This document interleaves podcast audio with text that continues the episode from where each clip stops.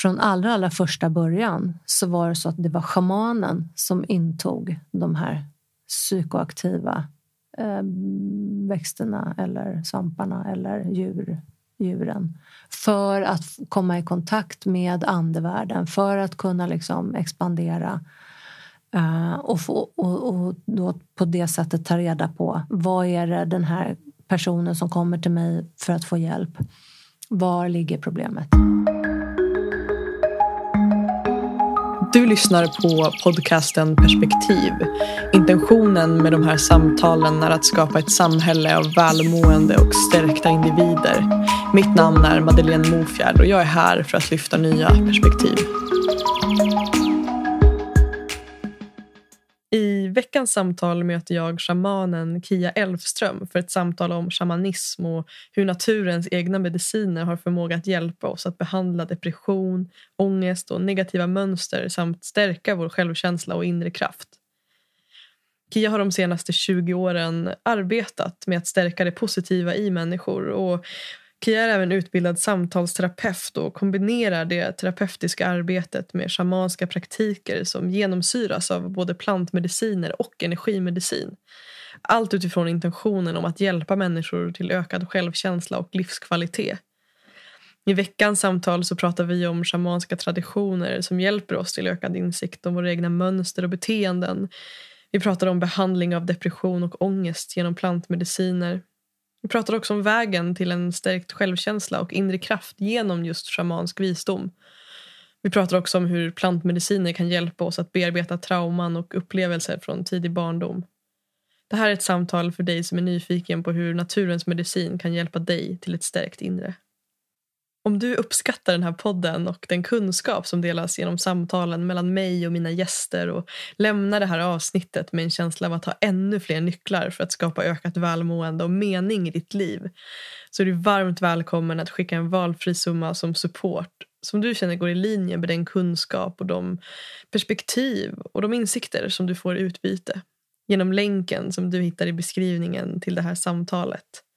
I min erfarenhet så har vi en tendens att värdera, integrera och agera ännu mer på det som vi har lagt en energimässig eller ekonomisk investering i. Ett annat sätt att bidra rent energimässigt till den passion och kärlek som lagts i den här podden är att dela det här samtalet med en vän som du tror skulle uppskatta det eller skriva en recension i poddappen där du lyssnar. Och som vanligt så betyder det enormt mycket för mig att höra från dig efter att du lyssnat och ta del av dina insikter, reflektioner och frågor. Tack till dig för att du är här. Nu har det blivit dags att bjuda in nya perspektiv. Hej och välkommen Kia Elfström till podden Perspektiv. Tack. Det är så fint att ha dig här idag. Jag har varit så nyfiken och peppad och förväntansfull inför det här samtalet som vi ska ha idag. Så jag känner att jag jag längtar verkligen efter att djupdyka med dig. Eh, men innan vi gör det så skulle jag vilja höra hur du mår idag. Hur mår ditt hjärta och ja, hur har du det? Mm. Eh, jag är lite stressad. Uh, jag har precis haft semester. Och att, att uh, komma in i arbets... Att kasta sig in i arbete direkt. Eh, jag uh, har haft en chokad morgon med många klienter. Och jag inser att ja, men det här med mjukstart efter semester det kan nog vara rätt bra. Man får sina insikter. ja, learning by doing. Exakt. Mm, ja. Så är det. Jag förstår. Mm. Och eh, när det kommer till ditt eh, fokus just nu i livet, du pratar om semester och att komma tillbaka, men finns det någon annan speciell plats där du har ditt fokus eller din nyfikenhet eller sådär just nu? Uh, ja, alltså för mig blir det lite grann att, att att min utveckling sker i paritet till de människor jag träffar. Och det här är ju jättespännande därför att, att, att få inputs ifrån andra människor som man liksom, men det här har inte jag tänkt på. Vad gör det här med mig? Har jag någonting som jag kan relatera till, referera till så? Och att det väcker saker. Att det blir liksom, men, kanske inte parallellprocesser men att, att det blir någon form av ja, överföring mot överföring så att man hela tiden, det händer hela tiden saker. Mm. Så det är ju väldigt spännande att se, okej, okay, vad kommer den här hösten Spännande. föra med sig? Mm. Gud vad fint att du säger det. Jag tänker det är en så fin påminnelse om att så mycket av vår egen utveckling händer också i relation till andra. Mm. Och hur vi kan spegla oss och ta lärdomar av, Mm. av andra människor. Mm. Jag tänker det också i ditt arbete och det du, du gör så tänker jag också att det blir att du möter enormt mycket människor där du får, får de här Mm. ja, speglingarna. Liksom. Eh, Och det där är spännande att du säger det, för just det här med att vår utveckling sker i relation till andra människor. Så att det här snacket om att, att som många säger, ja, men du, måste, eh, du måste lära dig att älska dig själv, du måste bli vän med dig själv innan du kan älska någon annan och jobba med dig själv innan du kan gå in i relation och så vidare. och så vidare. För mig är det väldigt kontraproduktivt. Därför att du kan sitta som munk uppe på ett berg i tio års tid och meditera och få till dig all världens klokskap. Men vad ska du göra med den? Om du sitter där ensam precis. Och så händer det massa saker i relationer till andra människor. Och det är där vi lär känna oss själva. Mm. Så att det här snacket om att ja, men lär känna dig själv innan du går in i en relation. Nej. Och det är så fint också. Jag tänker det här med bilden av att vi någonstans måste vara klara. Mm. Alltså så här, jag behöver tid för att lära känna mig själv. Eller Mm. jag tänker att det också bygger på någon slags känsla av ovärdighet. Att vi Mm. inte är värdiga i det, Mm. i så här, vår essens. Det vi är, det är inte värdigt. Utan jag måste göra ett jobb med mig själv också. Mm. Jag tänker det också i den här världen av, av personlig utveckling och Mm. att det lätt kan bli att det känns som ett jobb. Liksom. Och det blir lite spiritual bypass det här att, att vi tänker att vi, ja, men vi måste vara klara med oss själva och vi måste vara så goda och vi måste vara så ödmjuka och ha överseende och ha stora hjärtan och vi får inte bli arga eller ledsna eller avundsjuka eller svartsjuka eller så. Och det, det stämmer inte.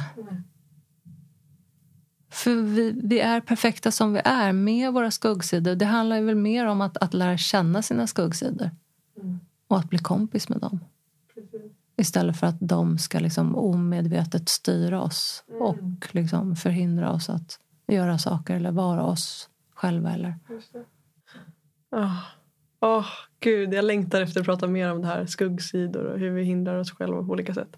Eh, och jag bromsar lite även om jag bara vill så här, fortsätta dyka djupare i det redan på en gång. Men jag vill bromsa och för jag vill också att det finns någon vinning i för att lyssnarna ska få lära känna dig också lite grann vart du kommer ifrån. Så jag är nyfiken på att höra om du tittar tillbaka på ditt liv och det som, som du har upplevt och så vidare, det du har skapat och, och sådär. Det kan vara allt från känslor eller eh, ja, händelser eller vad som helst. Vad skulle du säga att du är mest stolt över?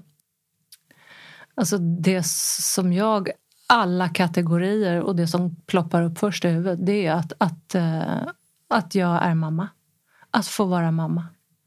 Det är jag mest stolt över. Och det, och det kan ju tyckas låta lite liksom självupptaget att vanligtvis kanske men, ja, men jag är mest stolt över mina barn. Ja, jag är stolt över mina barn men, men jag är mest stolt över att vara mamma. Mm. Så. Åh, jag älskar den vinkeln på det.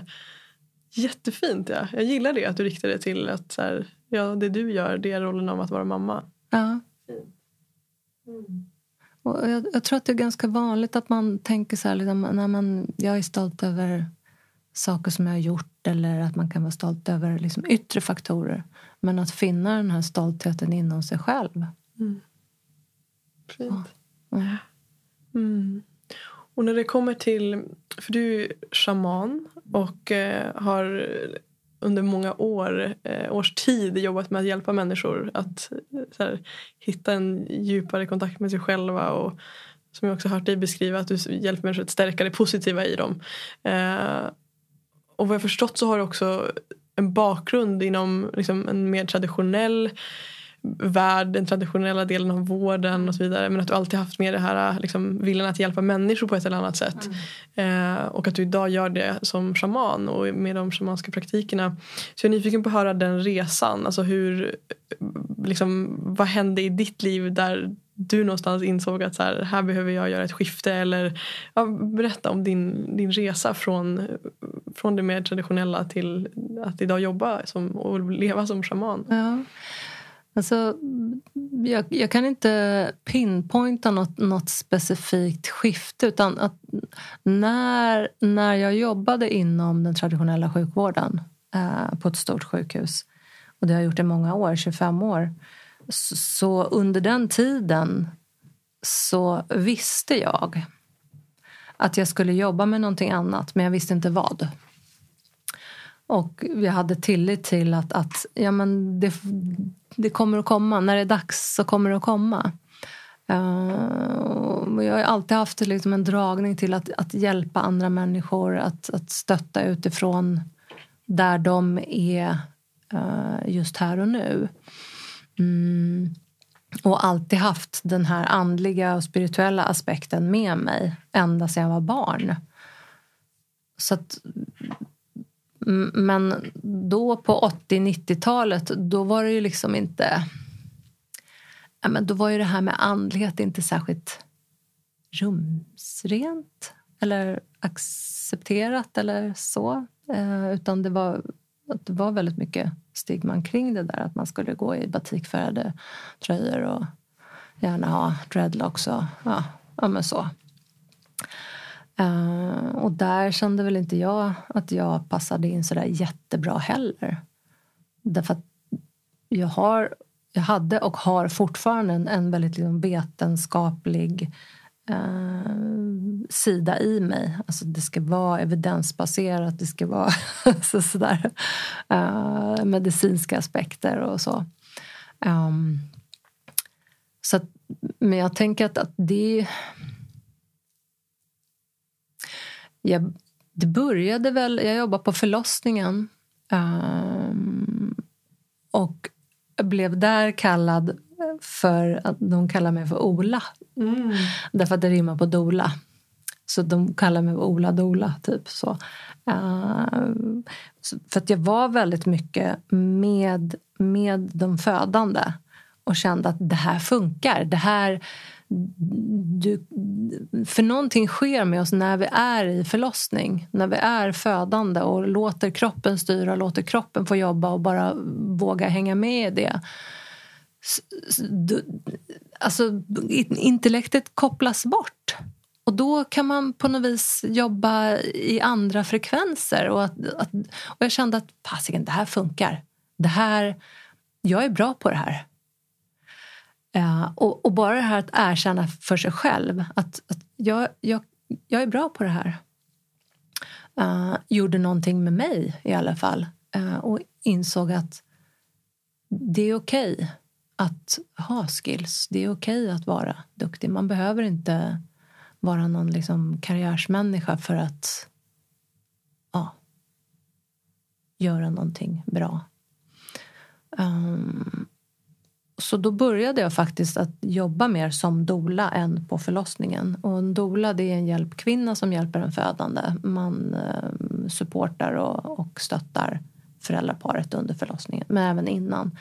Och i det här kom det upp väldigt, väldigt mycket uh, mycket issues det här med när, när vi blir förälder då dealar vi med dels vår egen barndom men vi dealar också med vår syn på våra föräldrar i deras föräldraskap. Vi dealar också med hur, alltså, hur mamma och pappa förhöll sig med varandra. Och vi får också börja reflektera över ja, men hur kommer jag att förhålla mig till min partner när vi får barn. Och jag kan säga att alla, 100 procent alla märker att det blir en förändring i relationen när man blir förälder. Därför att då är det inte bara att man är ett kärlekspar, man är också ett föräldrapar. Och det här är jädrigt spännande.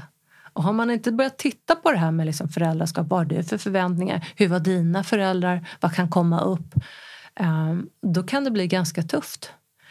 Och jag insåg att där och då så insåg jag att okej, okay, de kommer med så mycket mer än bara rädsla för förlossning eller att de känner att de kanske inte har tillit till partnern eller till vården eller så. Så tänkte jag så här, äh, jag måste skaffa mig någon form av utbildning. Så då utbildade jag mig till samtalsterapeut. Uh, och sen så var jag väldigt mycket i den världen. Jobbade som samtalsterapeut. Det var väldigt mycket liksom psykologiserande och kring så. Uh, men jag har ju alltid haft den här andliga biten. Jag jobbar jättemycket med healing i många, många år. Um, och det här andliga och plantmediciner, örtmediciner. Så det började liksom pocka på mer och mer att det är inte bara det här kliniska psykologiserande som jag kan och som jag kan liksom dela med. Um, så att jag har liksom pendlat mellan det här intellektuella um, och det här andliga. Liksom. Och så har jag, nej men jag, jag är nog samtalsterapeut, nej men jag är nog healer och shaman, nej men jag är nog, alltså så. Och någonstans nu de sista åren så har väl jag börjat inse att nej, men jag kan vara både och. Jag är både och. Jag kan använda båda sakerna. Mm. Fint. Det är verkligen det att det finns mycket lager till oss mm. människor. Och jag, jag blir nyfiken på det här du beskriver också de här lagren av att det finns en del av dig som där det blir viktigt med evidens och att det ska finnas liksom bevis och så vidare. Mm. Och jag tänker att enligt mina fördomar eh, utifrån hur jag tolkar att många majoriteten av människorna i Sverige till exempel lever så känns det som att den den delen ändå har fått ta, ta mer plats mm, i människor generellt. Den ja. är viktig, mm. exakt. Mm. Och att det kanske också är därför som det har funnits en, en ganska, ja, men, som du säger, stigmatiserad bild av andlighet och mm. det här mera ja, men spirituella, alternativa, vad vi nu vill kalla det. Mm. Eh, hur har, hur har liksom du beskriver att de har ändå fått så smälta samman i ditt liv men hur mm. har, har det skapat mycket så inre konflikter i dig i att ja, i att det har funnits två, två olika delar. Alltså när du har sett på andligheten, hur har du kunnat använda det här med din, din ditt intresse för det evidensbaserade mm. för att faktiskt också så här, ha tillit till andligheten. Mm. Att det är, ja, it makes sense. Liksom. Ja, mm. och jag skulle säga att det, inte, det har inte varit en inre konflikt, det har varit en yttre konflikt. Ah, Så för mig har det varit naturligt, men att kunna liksom lägga ut det och göra någon form av Uh, inte vet jag, presentation eller liksom, det här är jag där har jag haft de liksom största issuerna med hur, hur sjutton ska jag hur ska jag kunna liksom på något vis presentera mig själv? För, för det är också det här för det andliga sker ju väldigt mycket liksom utifrån upplevelsebaserat och det är inte alltid så vi kan sätta ord på det. Och hur, hur, sätter man, hur ska jag sätta ord på det här så att det blir, så att det blir relevant för någon annan? Mm. Hur ska en annan människa förstå liksom att... Men, och, och då tänker jag så här, okej, okay, men ha tillit till att, att eh, de som kommer till mig, de ska komma till mig. Så att, ja, mm. det är väl typ så. Jag tänker också, jag gillar den tanken om att saker och ting inte behöver, det behöver inte finnas ett antingen eller utan Nej. att båda kan få vara med. Mm. Och att jag, jag gillar den filosofin liksom, mm. generellt bara i mm. livet. Att det är ofta som när vi står inför val eller vad det nu än kan vara att det, konflikter ofta uppstår i att här, det måste finnas ett rätt sätt. Men mm. att här, här blir det också tydligt att ja, mm. båda delarna kan behöva få ta plats. Eh, också som du säger för att få med oss så många människor som möjligt ja. så behöver de få ta plats. Det var ju mycket så också att, att just det där när man min känsla också av men som när man som 15-åring gick till någon medium eller någon tarotmänniska. Jag vet att jag har gjort det två gånger. Um,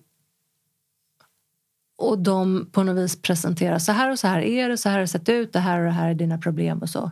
Jaha, men sen då? Vad ska jag göra med det här? Ingen hjälp whatsoever. Det går väldigt bra att, att berätta hur det ser ut eh, och vad det är som påverkar. Men sen att jobba vidare med det. Och, och där känner jag att där har jag mitt, mitt psykologiska kunnande. Och och också såklart det andliga. Men att, att, jag, att, att, för det var det som jag saknade. Och som, som också gjorde att jag utbildade mig till terapeut. Mm. Uh, att, att ha möjligheten att faktiskt jobba vidare. Sen har ju det utvecklats genom åren att ha, ha blivit mer jobba på energinivå med, med liksom energimedicin och med healing och med alltså rent kvantfysiskt och attraktionslag och alla sådana saker. Um, men och det är väl kanske en av anledningarna till att det har blivit lite det här stigmat runt att det här flummet liksom. Ja, snacka går ju, men sen då? Vad är det som bevisar att det är så här? Vad är det som säger att det har varit så här? Och vad ska jag göra med, med det? Så. Mm. Ja. Men där tänker jag också att det, och det vill jag också djupdyka i lite mer med dig sen också när vi går in och pratar mer om plantmediciner och mm. också hur vi kan integrera de upplevelserna i vår vardag och som du säger att vi inte heller bara får får till oss saker och insikter utan också uh, vad händer sen. Liksom. Mm. Mm. Uh, så jag tänker att det ska vi också prata mer om. Jag är nyfiken dock innan vi gör det på att höra mer om din resa när det kommer till liksom det andliga och mm. resan inom shamanismen. Um, du pratade om att redan när du var 15 så gick du till mm. något medium och sådär. Mm. Är det någonting som alltid har funnits med dig? Det har alltid funnits med. Mm. Alltså, jag var 12 år när jag köpte och det är lite intressant det här. Eh, jag var 12 år första gången jag köpte en, ört, alltså en bok om örtmediciner. Wow. Så det har alltid funnits liksom en dragning till det här. Vad, vad, vad, finns i naturen som, som kan hjälpa oss och som kan stärka oss och som kan liksom påverka oss i, med olika saker. Och min mormor har haft otroligt stort inflytande där utan att veta om det. Mamma också såklart med, med, med det kunnande som hon har haft. Um, men, men dragningen till alternativmedicinen har ju alltid, alltid funnits. Och en av liksom, de, den största, den största liksom, insikten det var en bok som heter Naturligt övernaturligt. Jag var 14 år när jag köpte den. Och Det var som en uppslagsbok. Och Det var liksom som att en helt en, en värld som jag hade levt i som barn helt plötsligt så hade någon skrivit om det. Och jag menar på den tiden fanns ju inte något internet utan det var ju bara böcker som man... Uh, och jag hittade väl den där på någon bokrea. Så. Uh, och insåg, vad fasiken, det, är det här, det här har min mormor berättat om och det här, det här har jag upplevt. Fasiken, det finns fler människor som jag är inte dum i jag hittar inte på, jag har, jag har inte som mamma säger bara livlig fantasi. Mm. Utan det finns faktiskt folk som har skrivit om det här. Det var, eh, kändes otroligt befriande. Mm. Så, mm. Ja, det är så spännande också när saker och ting är en del av ens liv. Mm. Verkligen så här, eller tolkar att det verkligen är the essence av den du är i och mm. med att du också har, har haft det från så tidiga, mm. tidigare år. Eh, det gör också väldigt autentiskt och, mm. och rent. Liksom. Mm. Mm. Man kan ju, alltså, våra sinnen, vi kan ju lära oss att ut, alltså, vi kan utveckla våra sinnen och lära oss saker eller upptäcka igen, att återerövra. Uh, och det är många, många som gör det. Uh, mm, och jag tror att, att de flesta människor kan nog erinra sig situationer där de faktiskt har använt eh, sin, fler sinnen än, än de fem grundsinnena till att uppfatta saker eller ja, men få en känsla av eller ja, sådär. Och utan att för den skull vara enligt det, de själva ett smack andliga. Så. Precis, jag tänker det också att det finns eh, någonstans ligger i oss människor och mm. att det också finns så mycket lager av ja, men i det samhälle vi lever i, det vad vi förväntar oss och så vidare som gör att vi inte kanske heller här, har den här naturliga kontakten. Eh, men att då har vuxit upp som du beskriver med en mormor och en mamma till exempel som har haft att det har funnits också som en naturlig, liksom, ett naturligt space för, mm. för den sidan att få, få blomstra. Att det mm. också kanske är är ovanligt för många. Mm. Eller liksom att det är unikt att få göra det. Mm. Um, mm. Jag tänker att många som lyssnar på podden, eh, jag tror att många kan vara absolut bekanta med shamanism och plantmediciner och så vidare. Mm. Eh, och jag tänker också att det är många som lyssnar som aldrig har hört talas om shamanism. Mm. Så jag tänker att vi, det finns ett, en, en mening i att liksom ta det från början. Mm. Eh, så jag skulle vilja höra dig berätta eh, om här, från början, vad är shamanism? Mm. För att få med oss alla. Men shamanism är ju eh, någonting som naturfolk har ägnat sig åt i alla tider. Och det är ju, alltså grundidén inom, inom shamanismen är ju att allting har en själ. Att allting består utav energi. Eh, vilket innebär att, att, att allt, alltså vattenglaset bär på energi. Eh, och att den här energin kan man då liksom tappa in på och kontakta och få kontakt med eller hur man nu vill, vill säga det. Och, och um, därmed få en ökad förståelse och insikt och kunskap över hur världen fungerar och hur man då själv kan förhålla sig till den världen. Så att essensen är liksom att allting har allt har energi, en själ. Uh, växter, djur, stenar, människor. Alltså allt, allt, allt. Så. Mm. Det är grunden. Och när du säger naturfolk, vad, Mm. vad refererar du till då? Ja, men det är de här urbefolkningarna, aboriginerna, eh, samer, eh, hottentotter, eh, Amazonas, de som lever i Amazonas.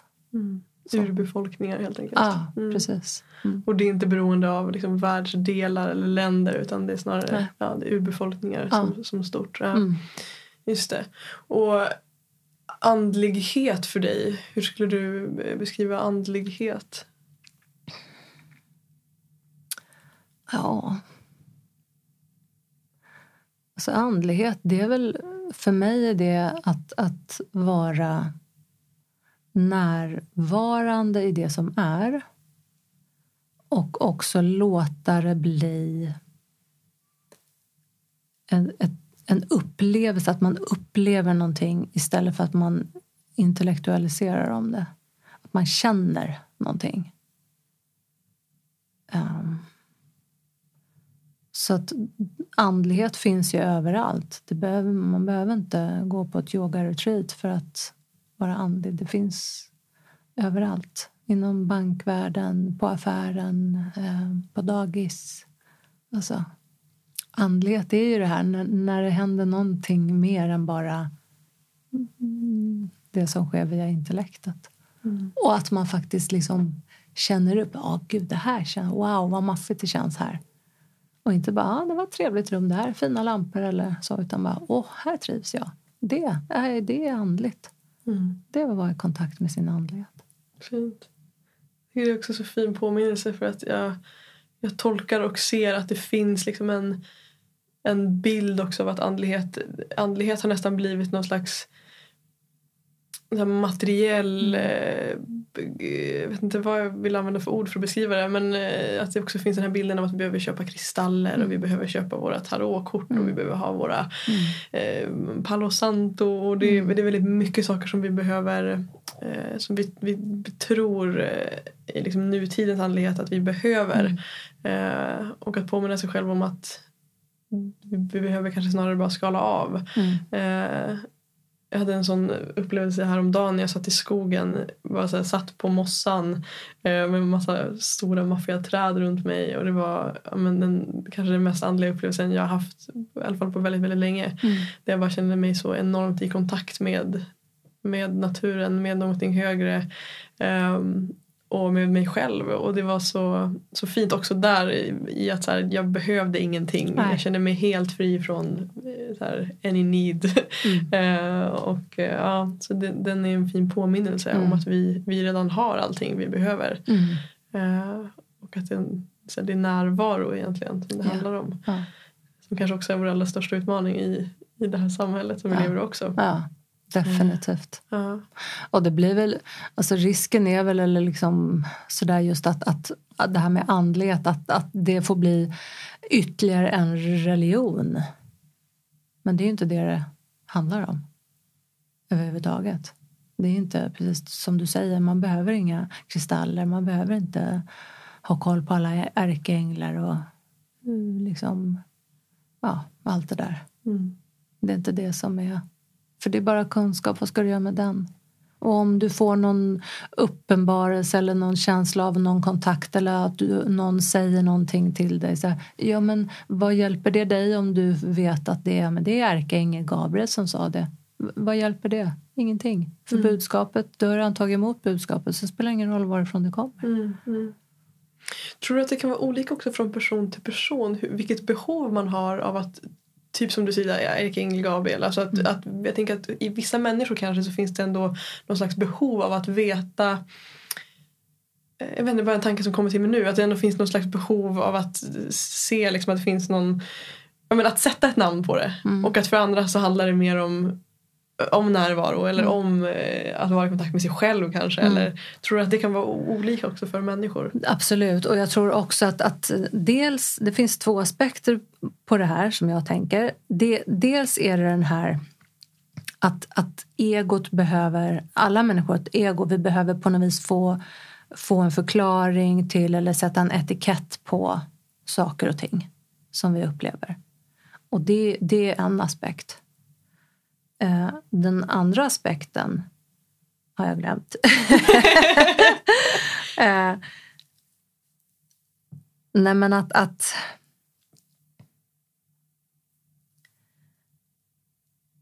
att olika människor tappar in, alltså vi har våra olika liksom mottagare och sändare, de här tentaklerna ute. De är olika känsliga och olika långa. Vissa, vissa människor är, oerhört liksom intonande på eh, dofter. Vissa människor är oerhört intonade på ljud. Vissa människor är oerhört intonade på, på jordenergi, vad som finns i rummen och kan liksom uh, stämma av vad som har försiggått i rummet innan och sådana saker. Medan andra är mer inkännande på vad som händer eh, på andra sidan jordklot. Alltså det, det, vi är så olika där. Och, och det, det, så är det. Och det... Varför... Vi behöver liksom inte sätta någon etikett. Så. Att jag, jag är medium, jag pratar med andra sidan, de bortgång, bortgångna. Jaha, är det... Är det vi, behöver liksom inte. Skala av helt enkelt. Ja. Och din resa som shaman är jag nyfiken på ännu mer. Jag tror att lyssnarna också kan vara det. Liksom, vilka typer av... Alltså hur har din resa sett ut? Från att liksom... Eller så min fråga är egentligen vad du har gått igenom för att kunna liksom kalla dig shaman. Har du Mm. behövt gå igenom vissa initieringar i, med en viss liksom, urbefolkning eller har Mm. du vissa, vissa ritualer, ceremonier? Hur har den resan sett ut till att kunna sitta här idag och, och utöva shamanska Mm. praktik på det sättet och hjälpa människor i det? Och det, det är som du säger, att det är både initieringar utav, utav shamaner men också så är det så att vissa av de här initieringarna får du ifrån ja, vad ska vi kalla det? Andevärlden eller så. Um, jag vet när jag blev initierad eh, i en healingform som heter reiki, den, kanske den vanligaste healingformen. Um, då, då, får man, då blir man initierad med olika symboler och olika liksom, energisymboler så att säga. Och jag fick till mig en hel drös andra sådana som inte jag visste vad det var. Sen, ett par år senare, så läste jag en bok om en annan typ av att man kunde liksom vidga den här reiki eh, healing-formen. och fick syn på den här, de här symbolerna som jag hade fått till mig. Och då insåg jag att men jag behöver inte gå den här kursen och bli initierad för jag har redan blivit initierad med den här. Jag har redan sett den här symbolen, jag har redan fått den till mig. Så att, som, och, och så är det inom shamanismen också. Att, att, att eh, inom nat, alltså naturbefolkningen så är det så att antingen så blir du alltså att du föds in i, en, i ett shamanskt släkt. Alltså att din pappa eller mamma är medicinkvinna eller medicinman. Och att du då liksom ärver den titeln och blir upplärd. Eller också så kan det vara så att, att du har vissa gåvor och att, att den här um, det här samhället eller, som du bor i ser det här och, och utser dig till liksom, um, byns uh, schaman eller byns medicinkvinna eller vad man nu ska kalla det. Uh, och, och på ett annat sätt då, så kan du också få allt det här till dig att det blir liksom, ja, det kommer inte från jorden utan det, att det kommer liksom någon annanstans ifrån. Mm. Så. Sen är det ju också det här att, att skapa relationer, etablera relation och kontakt och eh, med olika entiteter eller med olika eh, växter eller så. Att du skapar en relation med dem för att se att okej, okay, så här jobbar de, så här kan jag hjälpa andra människor genom att skapa kontakt eller förmedla kontakt, förmedla den kunskapen som den här växten eller som den här entiteten eller vad det nu är har och att man kan använda den. Så det handlar hela tiden om ett, ett, um, um, nej men ett, ett, utforskande och etablera relation med mm, mm. oavsett om det, om det är plantor eller om det är ärkeänglar mm. eller kristaller eller ja, vad det nu må vara. Just det. Så. jag gillar också det, den här tanken om att det behöver liksom inte vara ett universitetsbevis. Så här, svart på vitt, här har vi det. Nej. Utan att det kan komma i andra former. Ja. Uh. Och jag kan säga den, den mest magiska, den mest fantastiska schaman jag har träffat på uh, han uh, kommer från Peru. Och när man pratar med honom så nej, ja, nej, jag är musiker, säger han. Fast Erik, du är en helt fantastisk schaman. Nej, jag, jag är musiker, jag spelar bara musik, det är det jag gör. Just Under mina ceremonier. Jag, jag, jag bara spelar med musik. Mm. Så det är liksom på något vis inte... Och jag har också lite sådär svårt att titulera mig som schaman. För, för mig är inte det en titel. För mig är det ett sätt att leva, um, någon, ett, ett, ett arbetssätt eller synsätt eller livsåskådning eller så mer. Mm. Och när det kommer till shamanismen, vilka praktiker skulle du säga är mest liksom, gen, vilka praktiker genomsyras shamanismen utav? Eh, och vad skulle du säga är liksom den gemensamma intentionen för de här praktikerna? Mm. Eh, ja, ta oss igenom det lite grann. Alltså det, det, det finns ju väldigt mycket inslag utav ceremonier. Uh, och, och där tangerar ju det det här liksom religiösa, eller som att, att det blir som en ytterligare en typ av religion. Därför att det finns eh, liksom väldigt mycket ceremoniella inslag i, inom shamanismen. Men om man vänder på det och tänker att shamanismen och den naturfolket har funnits mycket, mycket längre än, än, än religiösa samfund så tänker jag att men det är samma sak fast det är olika, vi använder olika etikett på det. Um, och det är alltid så att människor har alltid år tusentals år tillbaka så har människor alltid liksom det här med ceremoniella eh, att vi har bekräftat saker eller att vi har eh, befäst genom ceremonier. Det är någonting som på något vis är inbyggt i oss. I oss människor, i alla människor. Uh, det finns överallt. Men när jag kollar de med OCD, OCD som tixar och har tvångsbeteende, det är också ceremonier. Alltså det, Precis, du hittar det överallt.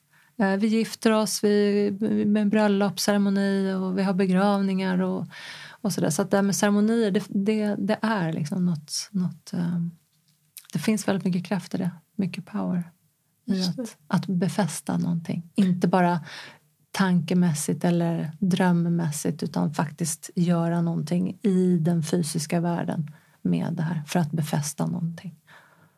Det är också fint, jag tänker som du säger att vi har väldigt mycket ceremonier eh, så här, även här i Sverige, mm. även här i västvärlden. Mm. Bara det att vi har någonstans tappat, tappat den benämningen på det men mm. att det är det det faktiskt är. Um, men bara när vi mm. dukar fint, om vi tänker att ah, nu ska jag nu vill jag bjuda min man på en romantisk middag när han kommer hem. Så dukar man fint, man tar, kanske tar in blommor och tänder ljus. Ja, men det är en ceremoni. Du sätter en intention att du vill ha en romantisk middag. Du sätter den energiintentionen i när du dukar, när du skapar. Det är som att du skapar ett altare för den här ceremonin som ska ske runt det här bordet. Så vi gör det. Finns det någon eh, gemensam intention för ceremonierna? Jag förstår att det finns liksom enskilda intentioner för varje individ och person mm. och shaman och så vidare. Mm. Och varje liksom sättning. Men kan du se att det finns någon gemensam liksom, intention för de olika ceremonierna? Det är att kontakta andra eh, världar inom citationstecken eller andra frekvenser eller liksom att, att sätta dig i kontakt med att etablera kontakt eller få ut ett budskap eller få ett budskap med i andra dimensioner så att säga. Som inte tillhör den fysiska världen. Och något som jag är nyfiken på är eh, skillnaden eller kopplingen eller liksom relationen mellan eller hur, hur, hur shamanism i, inom liksom alltså nordisk shamanism till exempel skiljer sig från eh, shamanism i Peru, Amazonas. Alltså, mm. hur, vilka likheter ser du? Vilka olikheter? Alltså, vad finns det för röd tråd liksom, i shamanismen på så brett olika skilda delar av världen? Liksom? Ja, den röda tråden är ju där. Att, ja. att få kontakt med, med vad, vad, de, vad man dagligdags kallar för andevärlden. Uh, för att få uh, svar eller kunskap eller bli visad något eller få en förklaring eller ja. Mm. Så. Mm. Och alltså, det är inte så stor skillnad rent energimässigt. Andligt så är det ju ingen skillnad på de olika schamanska traditionerna. Det är mer um, hur man utövar det. Som till exempel inom den samiska traditionen så har man ju mycket det här med med runor och man pratar om de olika alltså gudar, Oden, Tor och, och Freja och allt det här. Eh, inom, inom mm, den schamanska traditionen i, i Amazonas så är det ju mer liksom, ja, men växter, mer plantmedicin. Um, mer att, att mm, det, det, är en annan del av naturen som man har större kontakt med. I Afrika, bland hottentotter eller, eller bitvi-folket så är det väldigt mycket liksom förfäder, att man jobbar med ancestral work och, och spår i ben och, och allt såna här eh, saker. Så att, det, kan, det ser lite olika ut men det är ju beroende på de mer liksom, eh, miljöaspekterna var hur man använder naturen. Just det. Så.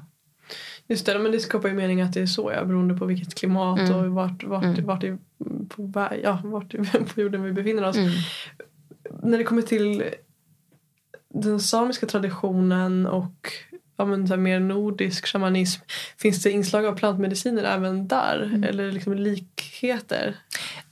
Eh, man använder ju, eller förut, nu kanske man inte gör det så mycket, men det börjar komma tillbaka. Eh, så, så har ju flugsvampen varit en, en väldigt eh, liksom stor del av den, om man pratar psykedelisk plantmedicin uh, så har ju flugsvampen tillhört den nordiska shamanismen. Så, och den, den har ju funnits jätte, jätte, jättelänge. Nu vet inte jag hur många tusentals år men, men flugsvampen är väldigt, väldigt gammal. Och den började i Sibirien bland de sibiriska shamanerna som började använda den. Därför att de såg att, att renarna och det här är ju roligt därför att det finns ju kopplingar till det här med Rudolf med röda mulen till exempel. Aha. Och att tomten har renar som flyger och det är ju för att eh, när renar de får väldigt lätt infektion i alltså parasitinfektioner i sin mule, alltså näsa, eh, svalg. Så. Uh, och för att bli av med den här infektionen så äter de flugsvamp. Så att därav det här Rudolf med röda mulen. Det är en infektion. De äter flugsvamp, de får den här psykedeliska effekten och då eh, vad man säger med flyger så att säga. Och därav att tomten har de här flygande renarna. Mm. Och tomten har den här röda klädedräkten med vita muddar och så som då symboliserar fly, alltså flugsvamp. Okay. Så att man såg, det kom, sig, det kom sig från att man såg att renarna åt där, att det hände någonting med renarna. Så då började shamanen också prova, okej okay, vad är det som händer om jag äter flugsvamp? Mm. Gud vad spännande, ja, det hade jag ingen aning om. Mm. Det ja, skapar också väldigt mycket mening att höra dig berätta det. Eh, just det. Det, det, det. Är nyfiken på det framförallt för att det finns, eller jag tolkar, jag vet inte om det är selektiv perception eller vad det är, men att jag tolkar att det inte pratas så mycket om att plantmediciner ens förekommer eller har förekommit inom vår svenska och nordiska mm. tradition. Mm. Vilket är intressant. Medan i Amazonas och Peru och så vidare mm. så är det en självklarhet och vardagsmat. Ja. Precis.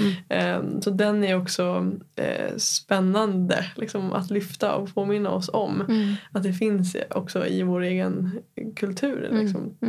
Uh, och jag tänker även här när det kommer till plantmediciner för att få med oss lyssnare som kanske inte har så stor inblick i vad plantmediciner är för någonting. Mm. Hur skulle du beskriva plantmediciner och hur använder natur eh, liksom, hur använder vi plantmediciner som, som medicin? Mm. Alltså, från allra, allra första början så var det så att plantmediciner, det man, det man i vardagligt tal kallar plantmediciner, det är alltså psykoaktiva Eh, Eh, det kan vara växter, djur, svampar, alger. Alltså det finns ju eh, psykedeliska egenskaper i väldigt många eh, material, inte bara växter. Så. Um, och från allra, allra första början så var det så att det var shamanen som intog de här psykoaktiva eh, växterna eller svamparna eller djur, djuren för att komma i kontakt med andevärlden, för att kunna liksom expandera eh, och, få, och, och då på det sättet ta reda på vad är det den här personen som kommer till mig för att få hjälp, var ligger problemet? Eh, sen när, när eh, det här utvecklades mer och mer och att, och att människor själva blev sin, så att säga, att man tänkte jag jag behöver inte gå till en schaman för att ta reda på det, jag kanske kan ta reda på det här själv. Och också att schamaner bjöd in, men test, prova själv. Och att även turismen gjorde så, om man tänker sig eh, i Amazonas så var det så att den vita mannen kom och såg att wow, det händer någonting, de kan någonting, de kopplar upp sig mot någonting med hjälp av den här plantbensinen. Då blev jag jättenyfiken, jag vill också prova. Så det var, det var så det liksom spred sig till att, att bli på något vis eh, allmänt vedertaget att vem, vem som helst kunde, kunde prova de här psykoaktiva eh, substanserna. Men från allra, allra första början så var det bara shamanerna som använde dem. Okay. Och det här med att de är alltså, psykedeliska, psykoaktiva, säger du. Vad är liksom... Vad är det vi kan komma i kontakt med i och med att de, alltså just det här psykedeliska, mm. så här, why psychedelics liksom, är frågan mm. jag vill ställa egentligen. Varför räcker det inte bara med att äta en svamp som kantareller? Eller liksom, what's the difference? Förstår du min fråga? Mm.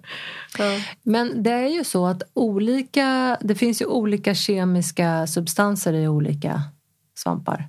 Och vissa av de här substanserna är psykedeliska, till exempel DMT eller eh,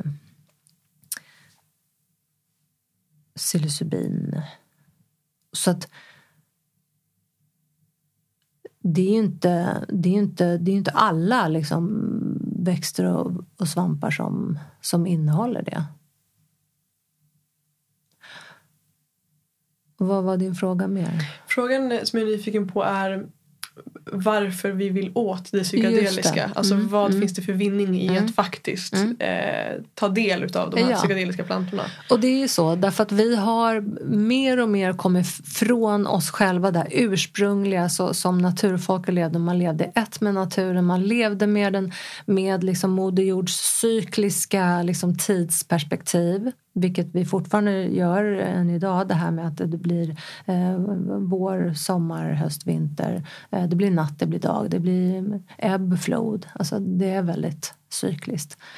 Um, och sen så när vi varit ett industrisamhälle och nu mer, liksom mer vetenskapligt eh, samhälle och internet och allt det här Eh, så har vi liksom kommit bort ifrån det längre och längre. Vi har på något vis tappat det här ursprunget. Vi har tappat vår finstämda... Alltså kroppen är ju en fantastiskt finstämt instrument som kan fånga upp och, och som kan liksom känna eh, in och känna av. Och, och, men vi har tappat det på grund av all den här externa stimulin som vi gärna liksom litar mer på. Så att vi har liksom tappat tilltron oss själva.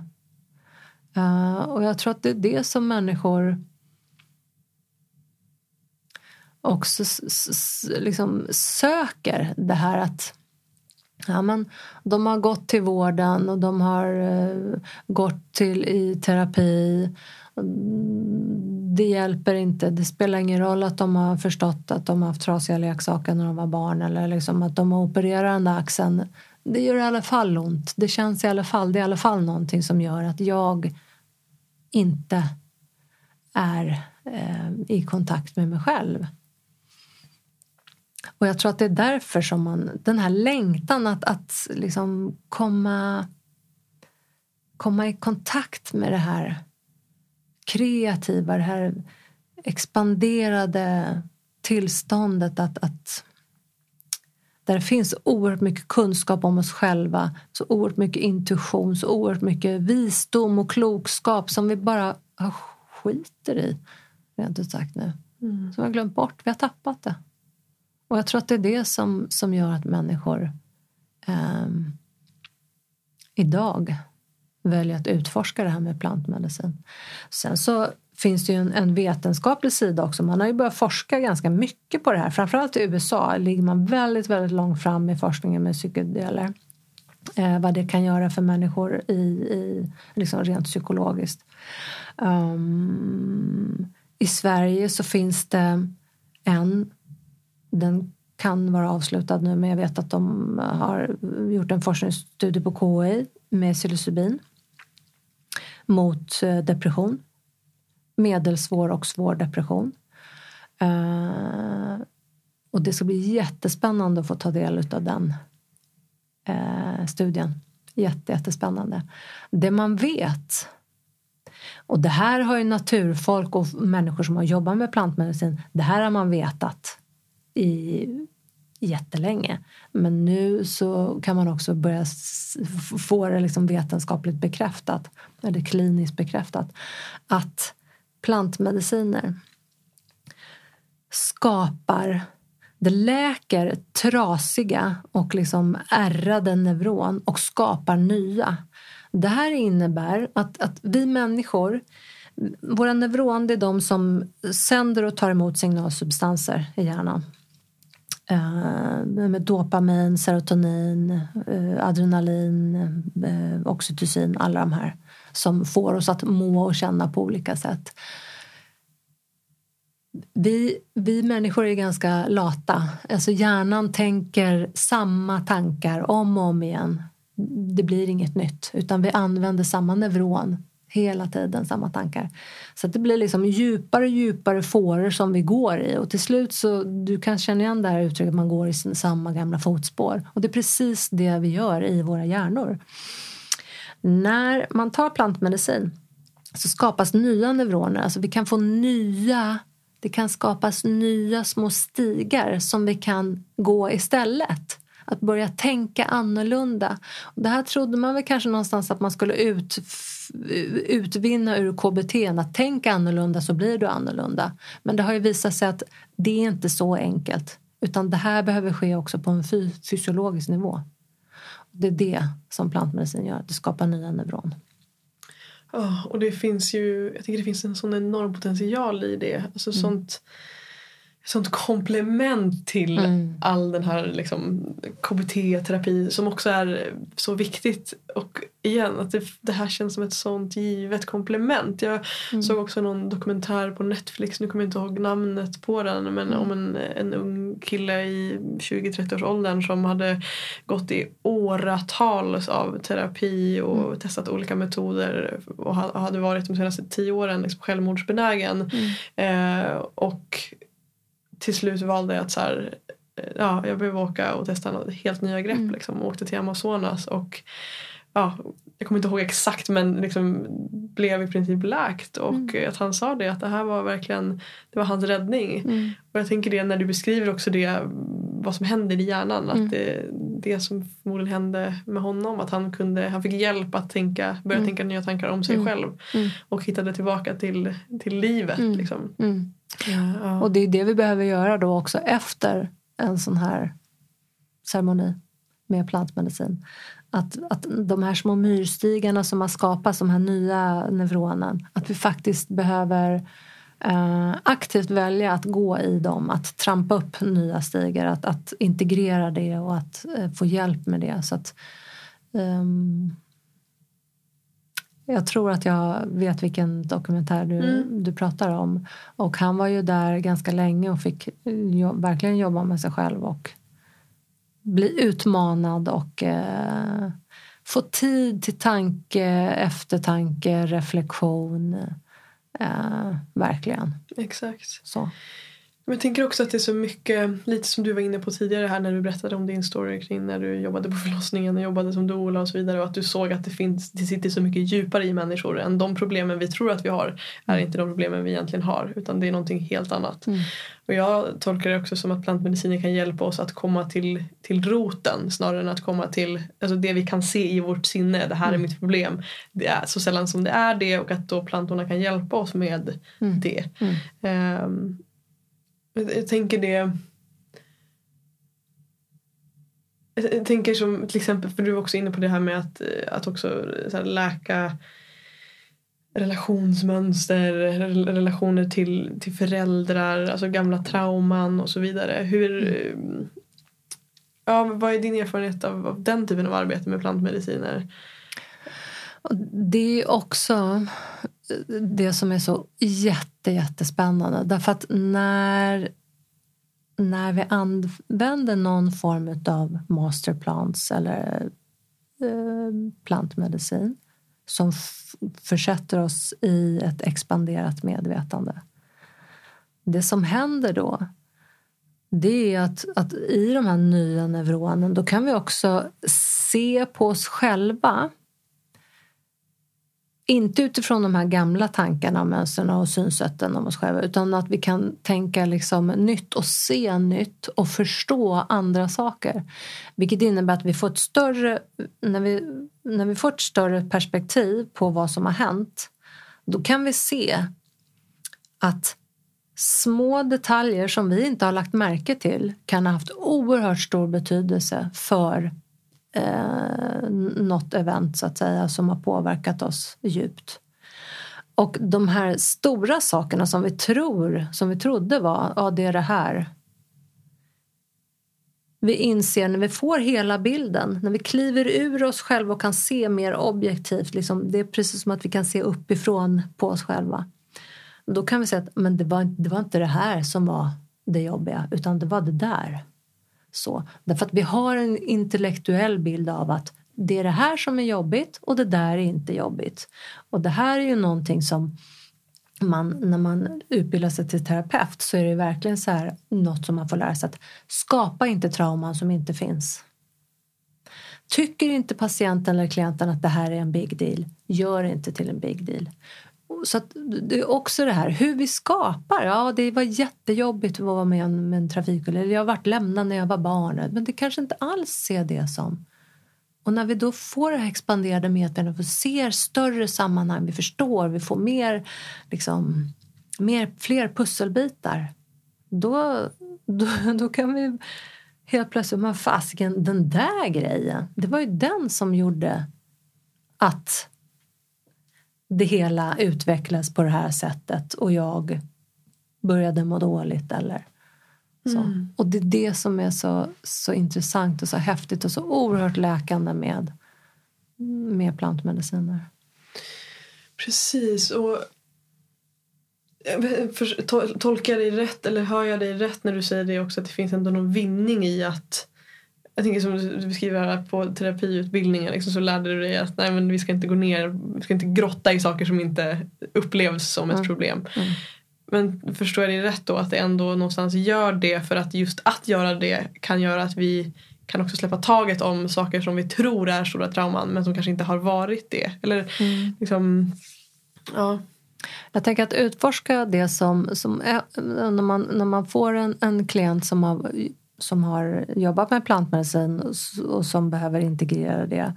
Och man då, därför att i om man tänker sig utifrån shamanismen där alla, alla växter, alla planter, all, all medicin, allt är medicin och allt, allt har liksom en, en själ, en energifrekvens så är det ju så att allt det här kommer i form av ett symbolspråk. Och vet vi inte hur vi ska tolka de här symbolerna eller metaforerna då blir det bara Alltså, då får du inte den impacten på oss. Då kan vi, det är ju som att se på en film, Ah, så kom det en jaguar. Jag blev jätterädd. Alltså, så. Men om du får förståelse för okej, okay, vad är det jaguaren kommer med för energi?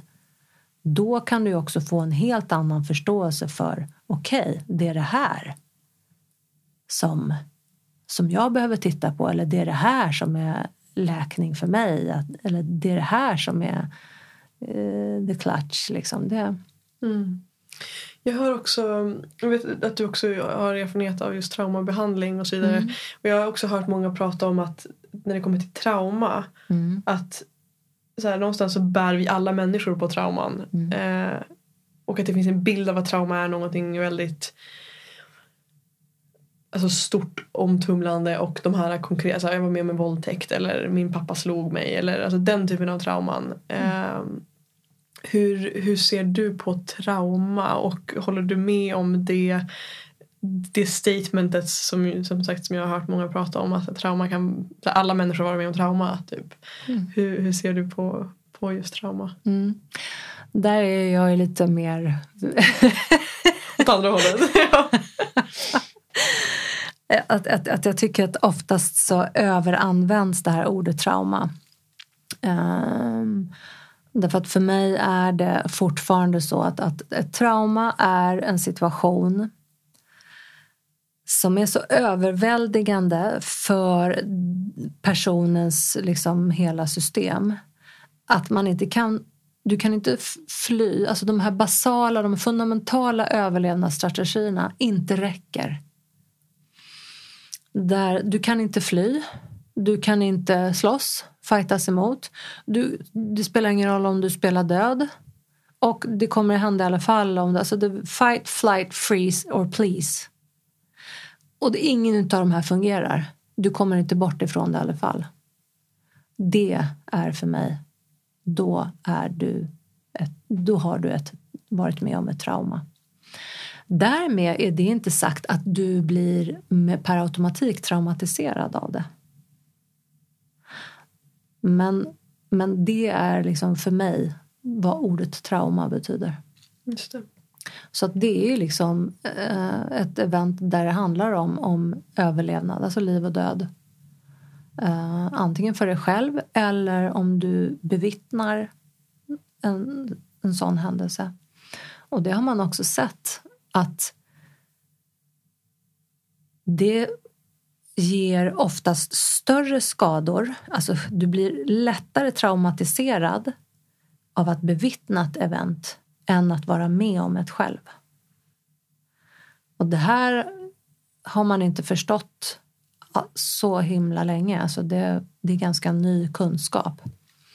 Men det är därför också som barn som bevittnar våld i hemmet till exempel blir oerhört liksom sargade och eh, skadade mer än vad kanske den som blir slagen blir.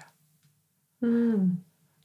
Och, och, utifrån det man ändå pratar om barn och så, så är det ju också så att, att för ett litet, litet barn som kanske inte har eh, ett, ett fullt utvecklat intellekt och inte kanske har ord ens en gång. Man kanske bara är sex sju månader och man inte kan intellektualisera om, om saker och ting som händer.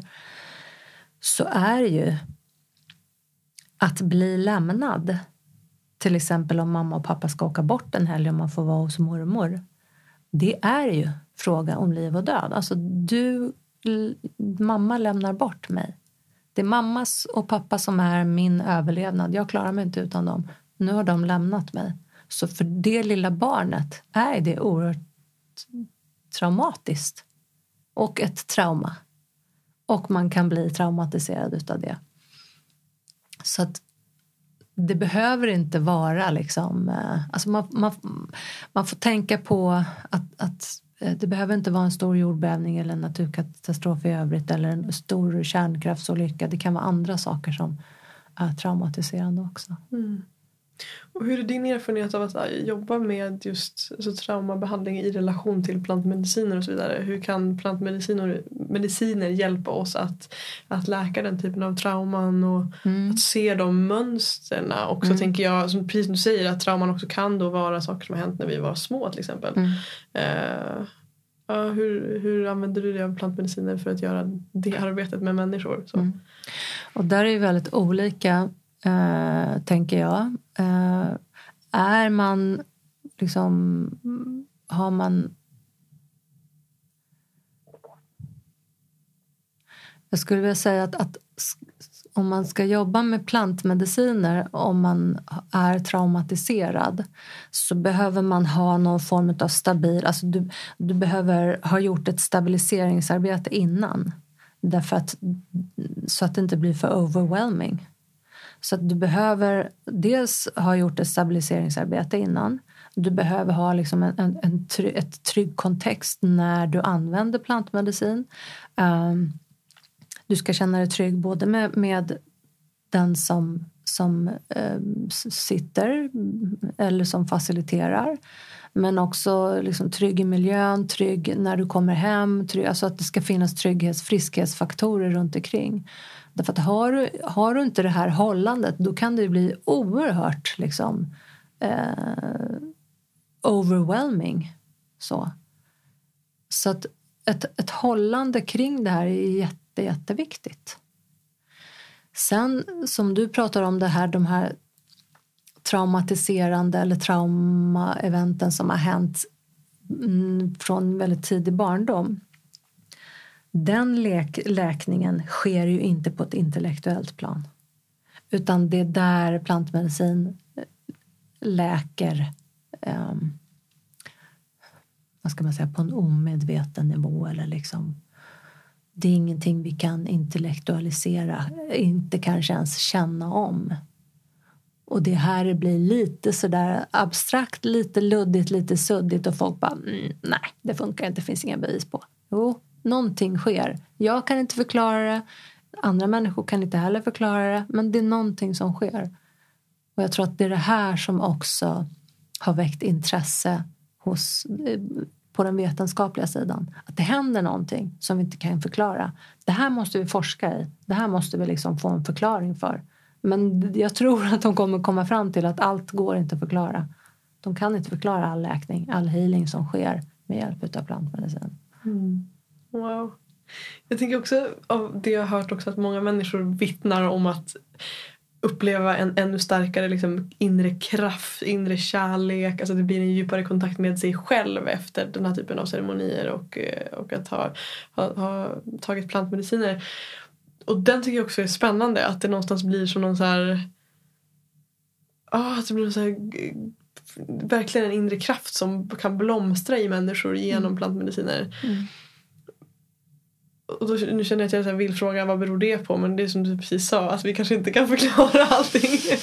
uh, uh, jag tror att det är själen uh. som får... Alltså jag tror att det är själen som får kontakt med liksom, energi. Därför att inom shamanismen jobbar man bara med energi. Alltså du jobbar bara med energi. Du jobbar ingenting med liksom, kroppen eller psyket eller så utan det är bara energi eh, på energinivå så att säga.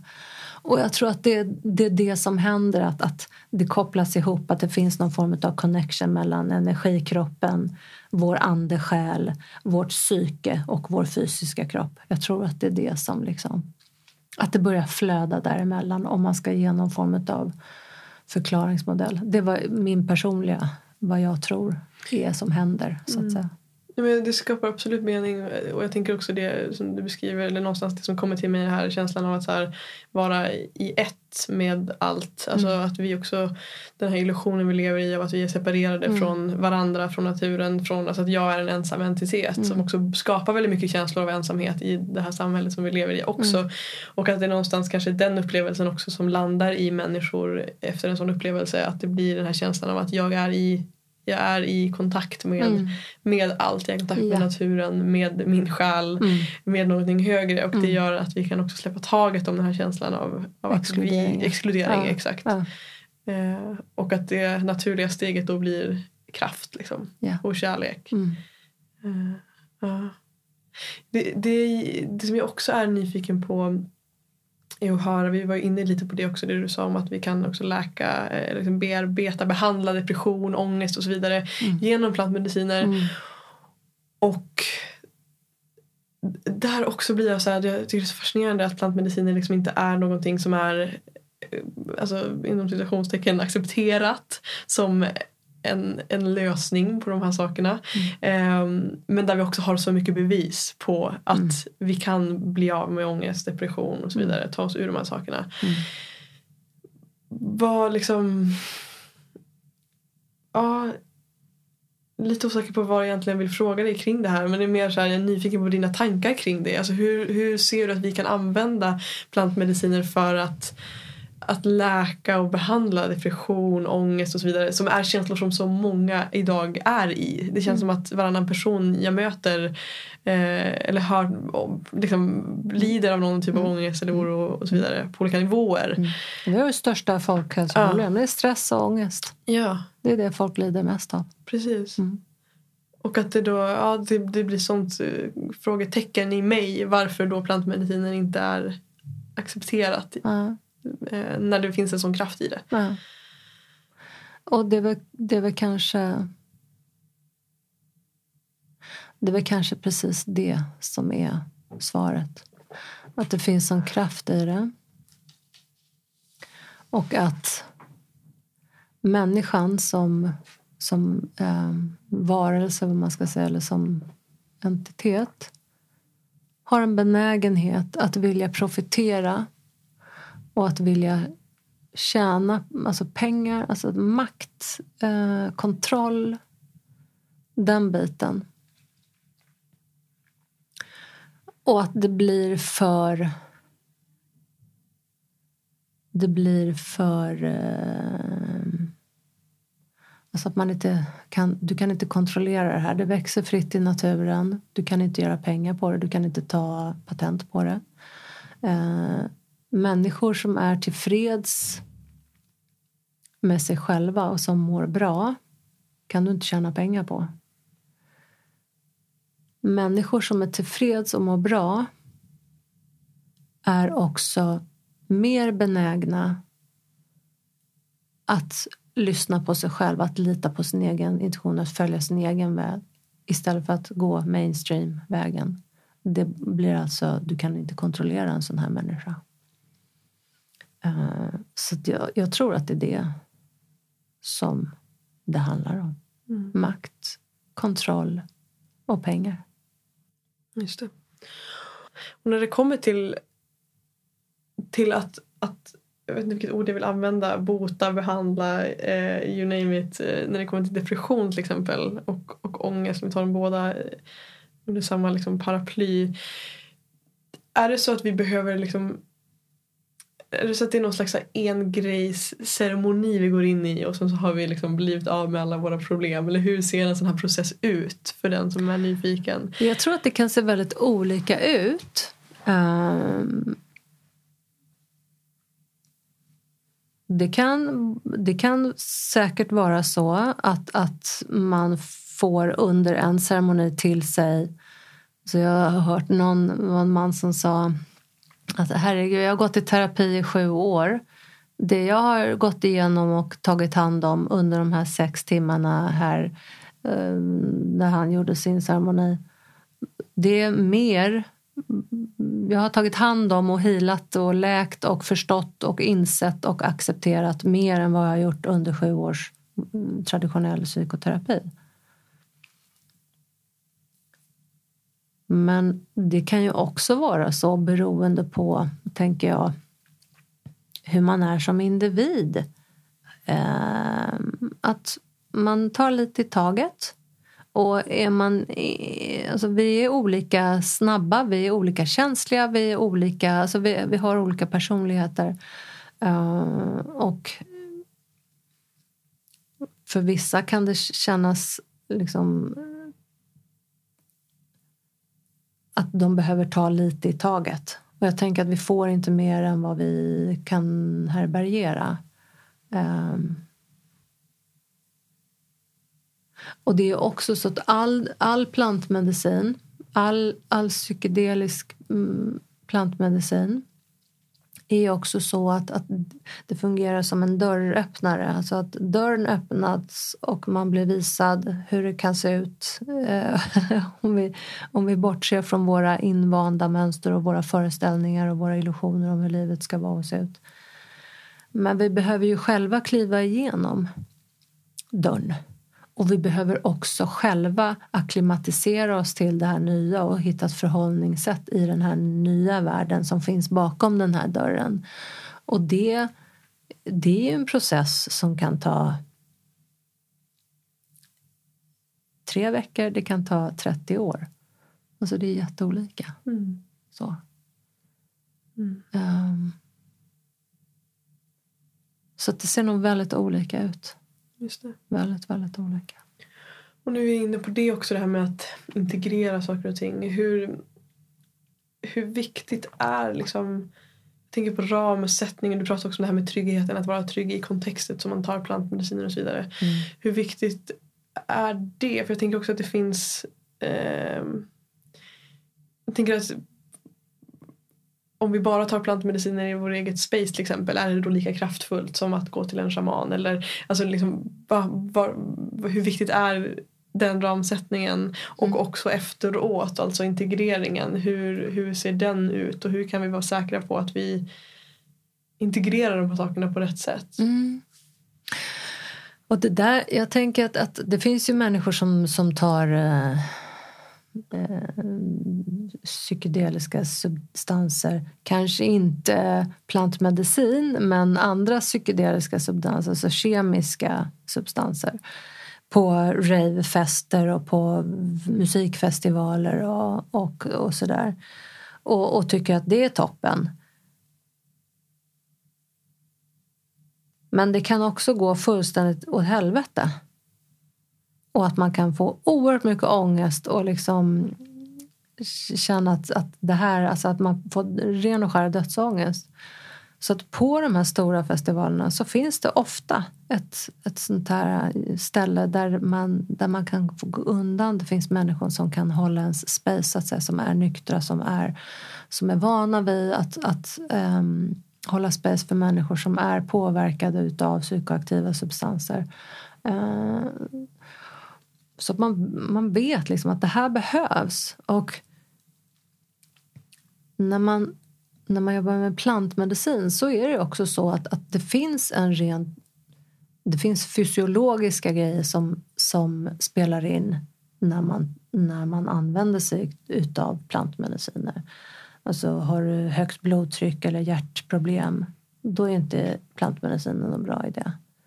Um, vissa plantmediciner, eller inte plantor, det faktiskt kommer från en groda, ett grodgift, eh, så, så är det inte läge att du, har, att du står på immunsupprimerande medicin, eh, att du är gravid ehm, eller att du har något form av transplantat inne, alltså att du är transplanterad. Alltså, så det finns väldigt mycket medicinska aspekter att ta hänsyn till också psykologiska aspekter. Har du, eh, är du bipolär eller finns det schizofreni i, i släkten? Alltså, mycket sånt. Som, så att det ramverket är ju jätte, jätteviktigt att, att tänka på innan man använder sig av någon form av plantmedicin. Och också um, som, som um, när jag gick utbildning i, i, i, integration av psykedeliska substanser, man jobbar med integrering. Så, så det här med harm reduction är oerhört viktigt. Know your dose. Alltså hur mycket tar du? Vet du vad det är du tar? Uh, den som ska hålla ditt space, vill du att den bara ska sitta tyst och, och finnas där och kunna provida liksom rent fysiskt en varm filt eller ett glas vatten eller så? Eller vill du att den människan ska eh, jobba mer energimässigt och liksom när du är i ett, ett expanderat perspektiv vill du att den människan ska jobba energimässigt med det och, och, och rensa, eh, liksom jobba med blockeringar och sådana saker, ladda ner god energi, viss typ av energi, kanske jobba ancestral work. Alltså, ja men då kanske du ska söka dig till en schaman. Vill du bara ha en, en facilitator? Alltså, vad, vad är det du behöver när du vill jobba med plantmedicin? Uh, känner du förtroende för den här människan? är super, superviktigt. Känner du trygg i miljön? är jätte, jätteviktigt. Uh, alltså... Mm, så mycket att tänka på. Och när det kommer till integreringen av efteråt. Mm, hur... Jätteviktig. Mm. Jätte, jätteviktig. Därför att i och med att det här sker väldigt mycket på en energinivå och en symbol och metafornivå så är det också att vi, vi, behöver, ibland behöver vi få förklarat för att ibland kanske vi inte alltid förstår och ibland förstår vi precis vad det här handlar om. Och då behöver man bolla det här. Vad betyder det här för dig? Och vad, hur tänker du om det i ditt dagliga liv nu efteråt när du har fått den här insikten? Vad kan du göra med den insikten? Um, um, hur ska du förhålla dig till att du har fått um, veta eller fått förståelse för att det här eventet när du var liten påverkade dig och har skapat att du har ont i dina knän eller vad det nu handlar om. Hur ska du förhålla dig till det? Alltså, jätte, jätteviktigt. Och, och sen är det ju också så att när du har varit psykonaut och varit ute i det här expansiva eh, i det stora alltet har fått vara, vart i insikten om att vi är ett Sen att komma tillbaks till den här fysiska mm, en eller tre, tvådimensionella världen där vi faktiskt är en, en egen kropp, en fysisk kropp som tar slut här och sen så börjar nästa kropp där. att det behöver också ske liksom lite varsamt och um, hur ska vi förhålla oss till det? Det kan finnas mycket sorg att få lämna det här, den här fantastiska liksom, insikten och sen när vi blir eh, icke påverkade längre så bara, nej men det var väl bara en illusion. Hur kan vi göra, vad är det vi behöver tänka på då så att vi kan i dagliga livet förstå att det är inte en illusion?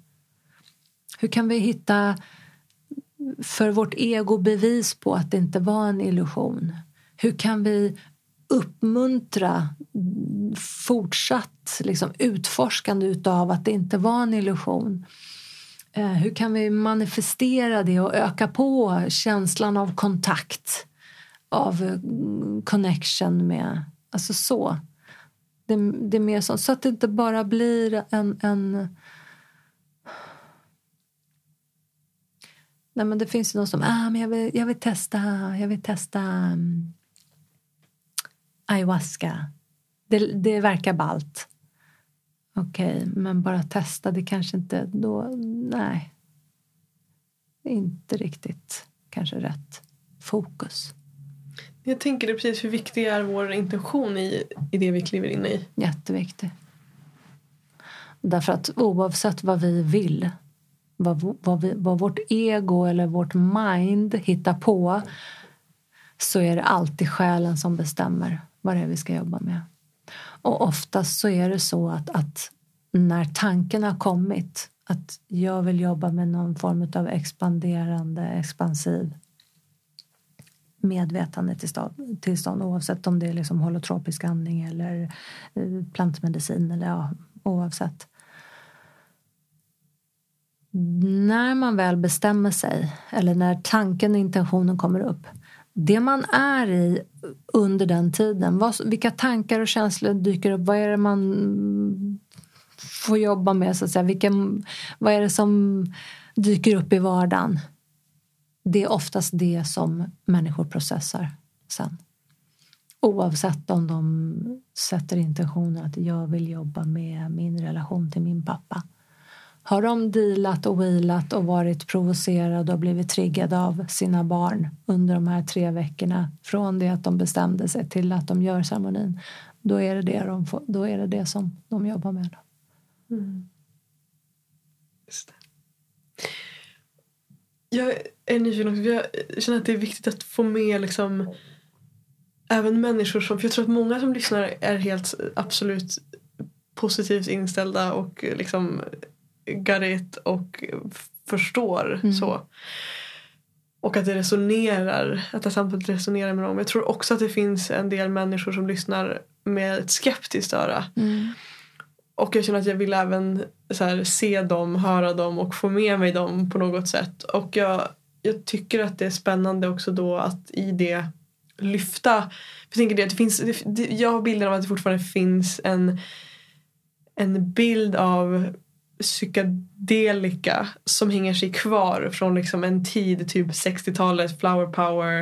Eh, där, där det liksom, ja men det, det, det blev den här, det finns någon galen bild liksom mm. av att det är fest, droger, mm. eh, sex. Alltså så här, att det finns mm. mycket destruktivt kopplat till den här typen av, av plantor mm. eh, och psykedelika. Och, och jag förstår att om man inte har tagit till sig en ny, ett nytt kontext för den här typen av medicin, den här typen av, av liksom ceremonier mm. så förstår jag att det är lätt att se på den bilden mm. och tänka att det här är galenskap. Mm. Liksom. Mm. Och så, så det är jag nyfiken på att höra ditt perspektiv på. Alltså mm. hur hur förhåller du dig till det och hur, jag vet inte, vad, vad kommer till dig när jag lyfter det här? Ja, alltså det, det som jag tänker på först det är när du säger det här destruktiva. I alla fall bilden av att det skulle vara destruktivt. Precis. Och du också så här, mm, okej, okay, vad, vad är det som är destruktivt? Alltså för det kan ju låta jätteflummigt men också återigen om man ska utgå ifrån utifrån ett schamanskt perspektiv så är det så att sätta etikett och värdera saker som dåliga eller bra det, det finns liksom inte riktigt inom shamanismen. Uh, mörker är mörker och ljus är ljus. That's it. Um, och då kan man fråga sig också som fri själ, som fri människa, som blommande, fullt utvecklad liksom, eh, fjäril eller blomma eller vad man ska säga. Är sex destruktivt? Det är ju vår reproduktion. Uh, sen utifrån ett, ett kliniskt perspektiv så är det ju så att, att de, de facilitatorer, de schamaner som arbetar med liksom större grupper där det, där det finns flera människor där det faktiskt kan ske integrer, eller interaktion mellan människor så är man oerhört liksom, noga med att inga, liksom, inga interaktioner mellan varandra varken under ceremonierna eller efter eller innan ceremonierna. Kvinnor och män sover separat.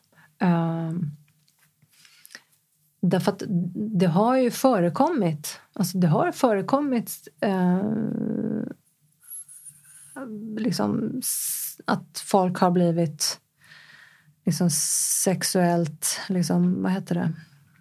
Um, eh, tra, inte ja, trakasserade, sexuella, ofredade är, är ordet. Så att, att de har blivit ofredade under Uh, under ceremonin när de har varit i, under påverkan av psykedel. Så det här är jätteviktigt för den som är facilitator som håller i, att hålla spacet för de här människorna. Jätte, jätteviktigt. Uh, och att man är väldigt tydlig med att vi rör inte varandra, inga, inga närmanden.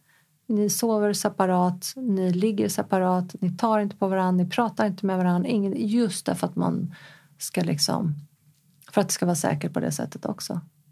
Jätteviktigt. Att man inte tillåter. Och där mm. måste man ju vara som en alltså, mm. jättetydlig. Mm. Just det. Jag tänker det den här bilden av att och att det alltså, ordet drog är nog det som kommer till många människor. Mm. Hur ser du på skillnaden mellan en drog och plantmediciner? Mm. För det första så, så är allting som man extraherar ur någonting en drog. I USA kallas apotek för drugstore. Eh, läser du eh, örtmedicinböcker så pratar man om droger. Alltså, det är den aktiva beståndsdelen i en växt eller i som är själva drogen. Sen har det fått en väldigt dålig klang och att man äter etiketterat att drog är lika med alltså en, en, en substans som, som du bli, kan missbruka, som du blir beroende av och så, som skapar väldigt mycket eh, negativ, eh, negativt i människors liv. Och det är så att psykedeler är inte beroendeframkallande. Så att om man tänker sig drog, ordet drog utifrån droger utifrån att det, att det är någonting destruktivt och att du flyr ifrån någonting och att du blir beroende och att du inte kan leva utan det så är, är ingen psykedel en drog i den bemärkelsen. Därför att det är inte beroendeframkallande. Det är, när man jobbar med plantmediciner så är det absolut inte fråga om några partydroger. Du behöver vara, vara med dig själv, för dig själv, liksom i dig själv. Du tittar inåt istället för att titta utåt. Du flyr inte, det finns inget flykt, tvärtom. Du får verkligen fejsa alla dina egenskaper och ditt mörker och ditt ljus och dina styrkor och dina svagheter. Alltså, du blir oerhört konfronterad. Så att, och det är också det här kontextet av droger, att man flyr ifrån någonting, att man dövar någonting, att du använder det som krockkudde för att, att stå ut med, med den verklighet som du lever i När man jobbar med plantmediciner så tittar du på just de här sakerna. Tänker igen att det blir det är liksom intentionen egentligen som också skiljer, skiljer sig. Alltså flykt eller introspektion? Vad, mm. vad väljer vi i det? Mm. Jag tänker det du sa också om det här med beroende och sådär. Det har jag också hört eh, när man tittar på liksom kritiken eller så här, det skeptis, det skeptis, den skeptiska delen av, av människor som kan ifrågasätta också det här med att om rädslan för att det ska skapa beroende och som mm. säger att det inte gör det och sen också det här med hur många människor som jag också uppfattat som faktiskt kan läka beroenden, mm. alltså faktiska beroenden som mm. alkoholmissbruk, drogmissbruk och så vidare yeah. genom till exempel ayahuasca och så vidare. Mm. mm. Och iboga till exempel. Ja, ja. Har ju fått väldigt stor Liksom, där, där jobbar man, det finns mm. kliniker i Mexiko och i, i övriga mm. eh, USA, um, Sydamerika som jobbar just med eh, Eh, alltså heroin, amfetamin, alltså den typen av beroende med hjälp av iboga. Och det är så att jag menar, det finns ju plantmediciner som är beroendeframkallande. Tobak, cannabis, det är också plantmediciner. Men de är inte psykoaktiva. Det är alltså inga psykedeliska mediciner. Och det är det som är skillnaden. De psykedeliska drogerna, de är inte beroendeframkallande. Men däremot så finns det många plantmediciner som är beroendeframkallande. Och det är ju också om man tänker sig som till exempel med kokain. Schama, eller bergsfolken i, i Anderna de använder kokablad. De tuggar kokablad och dricker te på kokablad för att få hjälp med höghöjdssjuka för att eh, man när de jobbar hårt ute på fälten, de jobbar ju hårt under de här, på de här höga höjderna eh, för att minska trötthet, för att orka mer och liksom så. Och i det kontextet, de har ju fortfarande rätt att tugga kokablad. De är inte förbjudna att, att tugga kokablad och dricka te på kokalöv.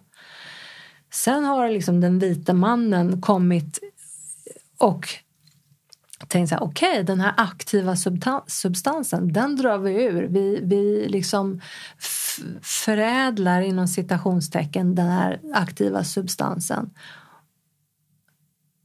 Och man kör genom cement och det är eh, någon batterisyra och det är bensin. Alltså vad du gör, du tar bort all, all, all energi ur den här plantan, kokabladen. Kokablad, redan kokablad innehåller otroligt mycket mineraler och spårämnen. Och för att skapa ungefär 10 gram rent kokain som säljs som knark på gatan behöver du 100 kilo löv. Och om det är någon, någon andisk person som tuggar två, tre löv så är ju det, alltså det är knappast så att du skapar ett beroende eller att du är kokainmissbrukare. För det är något helt annat. Mm. Det blir något helt annat utav det. Du har tagit bort hela energi, själen ifrån det kokabladet när du har skapat kokainet. Mm. Precis, och kemiskt tagit fram någonting som mm. inte alls är vad det var från mm. början. Mm. Mm. Ja, men det är också spännande igen det här med att ta det tillbaka till sin historia. Liksom hur urbefolkningar har använt det för att verkligen läka och mm. läka på så många olika plan. Både fysiskt, mm. emotionellt, mm. spirituellt och på mm. ja, det så många lager till det som gör det, gör det väldigt intressant. Och jag tänker också att det finns, du var inne på det här med att här, förebygga, alltså titta på alltså risker. Har vi sjukdomar i släkten eller mm. vad? Och så vidare. Så jag tänker det, vilka risker ser du som vi behöver eh, ta hänsyn till innan vi går in i en, eh, en ceremoni med plantmediciner? Jag tänker rent, alltså, rent medicinskt, alltså fysiologiska. Det här med eh, ja, med hjärta, hjärta-kärlsjukdomar. Har man högt blodtryck då kanske man inte ska använda sig av psykedelisk plantmedicin. Um, är du bipolär eller har schizofreni så kan ju det trigga. För det är på något vis, det ligger så nära varandra. Det här expanderade medvetandet. Alltså, det var ju de här som blev invalda schamaner i, inom naturfolkerna som, som blev utvalda så att säga. Det var, de var ju oftast vad vi kallar idag tokiga. För de hade ju kontakt med saker som inte normala människor kunde se eller förstå eller höra eller ja, så. Så att ehm, och där tycker jag, har man, har man, eh, har man haft sådana episoder eh, så ska man definitivt inte jobba med plantmedicin. Sen så är det ju många mediciner också, alltså den västerländska medicinerna som interagerar med eh, substanserna som finns i plantmedicinerna så att det kan bli farligt. Så att står du till exempel på antidepressiva eller ADHD-medicin eller ehm, eh, eh, steroider då är inte plantmedicin någonting för dig heller. Så det, det finns olika aspekter utav mm. det. Och hur vet man att man är redo för plantmediciner? De, kallar, de ja. kallar på dig. Mm. Mm. Du får det och det är också det här, vill, vill lyssna.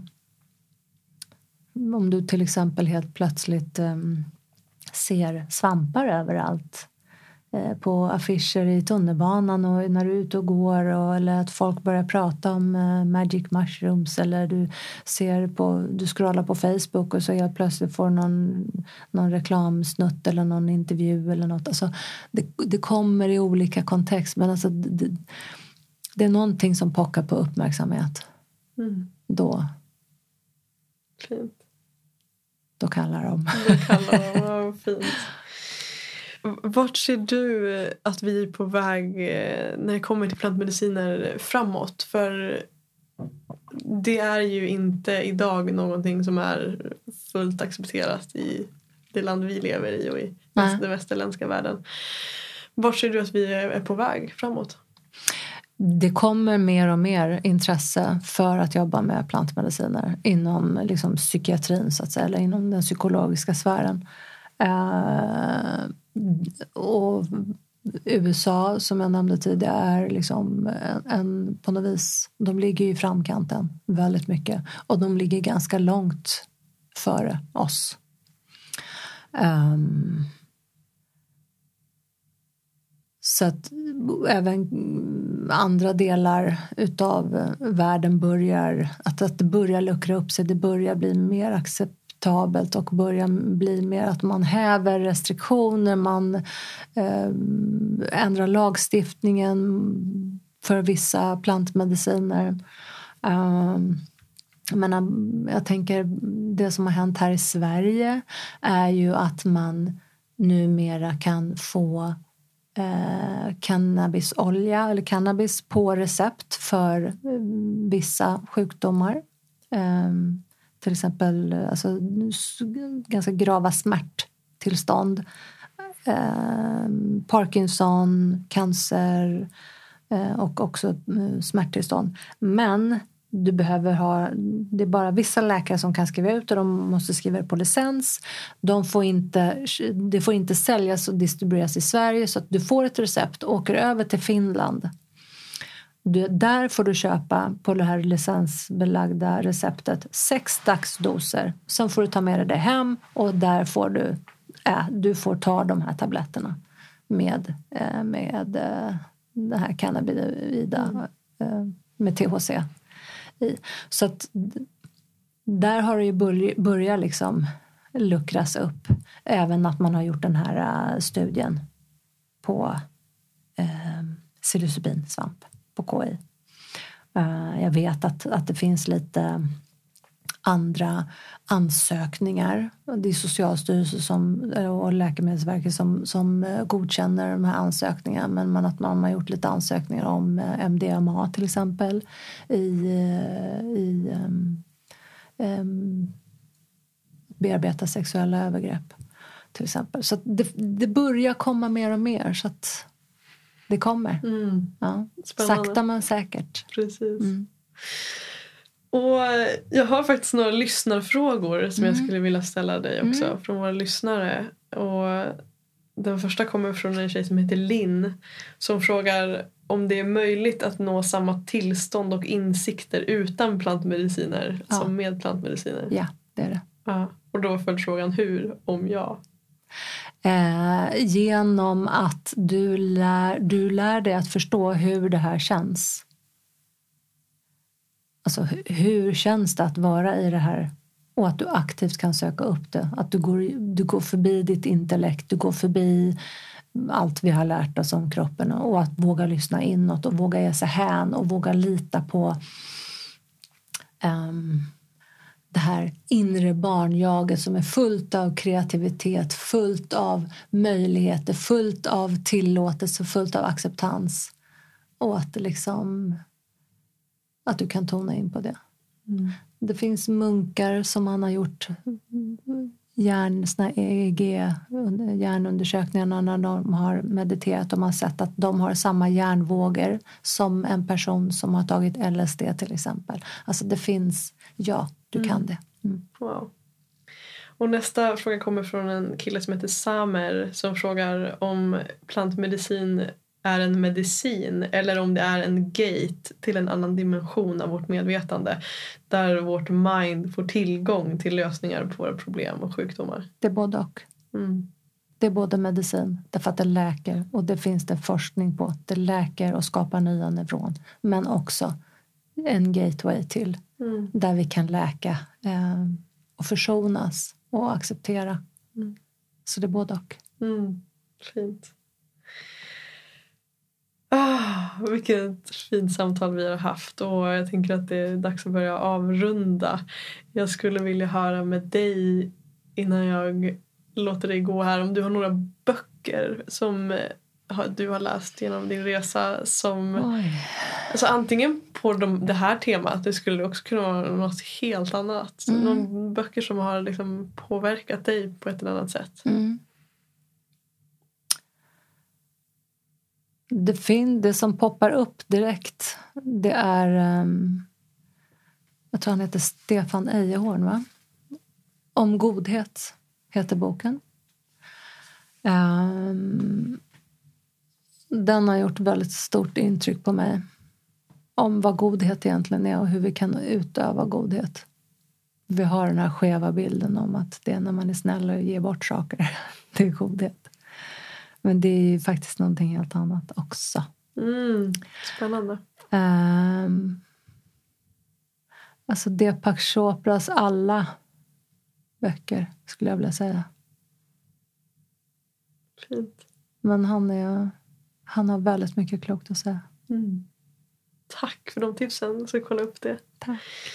Och eh, för våra lyssnare som vill komma i kontakt med dig Kia, hur Mm. kan de nå dig? Jag har en hemsida. www.kielfström.se. Tror jag det? Jo.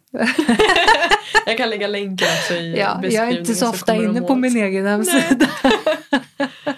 Mm. eh, absolut. Mm. Perfekt. Det finns lite, lite Youtube-klipp upplagda också så om man vill titta och lära känna mig mer. Så. Det finns ju en helt fantastisk video på dig där på din hemsida. Eh, så den rekommenderar jag alla att gå in och titta för att få en bild och känsla för dig. Och är det någon fråga under de här två timmarna som jag inte har ställt dig som du känner så här, det här skulle jag vilja bli frågad om Madeleine just nu? Oj, nej faktiskt inte. Mm, Nej. fint. Då vill jag bara säga tusen tack Kia för Ja, de här två timmarna. Det har varit helt fantastiskt. Jag känner mig så närvarande, lugn och tacksam och ja, men så nyfiken på min resa framåt. Och jag har fått så mycket tankeställare i och med vårt samtal så det är jag tacksam för och också väldigt förväntansfull på hur det här kommer landa hos lyssnarna. Mm. Så tusen tusen tack Ja, verkligen. men tack själv. Och det är häftigt det här med tid. Hur när vi tänker att tid är linjär. Då vet man ju hur lång tid två timmar är. Enormt långt. Men när vi, när vi är i den cirkulära tiden. Då allting sker samtidigt. Det är då, alltså, då känns ju inte två timmar som två timmar. Och det är för att vi är i cirkulär tid. Mm. Allt sker på samma gång. Jag håller med. Det känns som att vi har suttit här i en halvtimme. Typ. Mm. Mm. Ja, tusen tusen tack. Tack.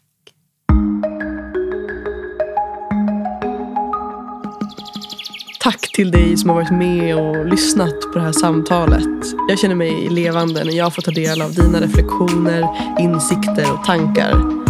Det skulle betyda allt för mig om du delade med dig till mig på sociala medier. Skriv till mig eller posta på din story så låter vi den här konversationen att fortsätta. Längtar du efter en plats för att möta fler som längtar efter att leva modigt och autentiskt? Välkommen att joina mig i Facebook-communityn och connecta med flera av lyssnarna till den här podden. Du hittar länken i beskrivningen till det här avsnittet. Ta hand om dig nu så hörs vi nästa gång.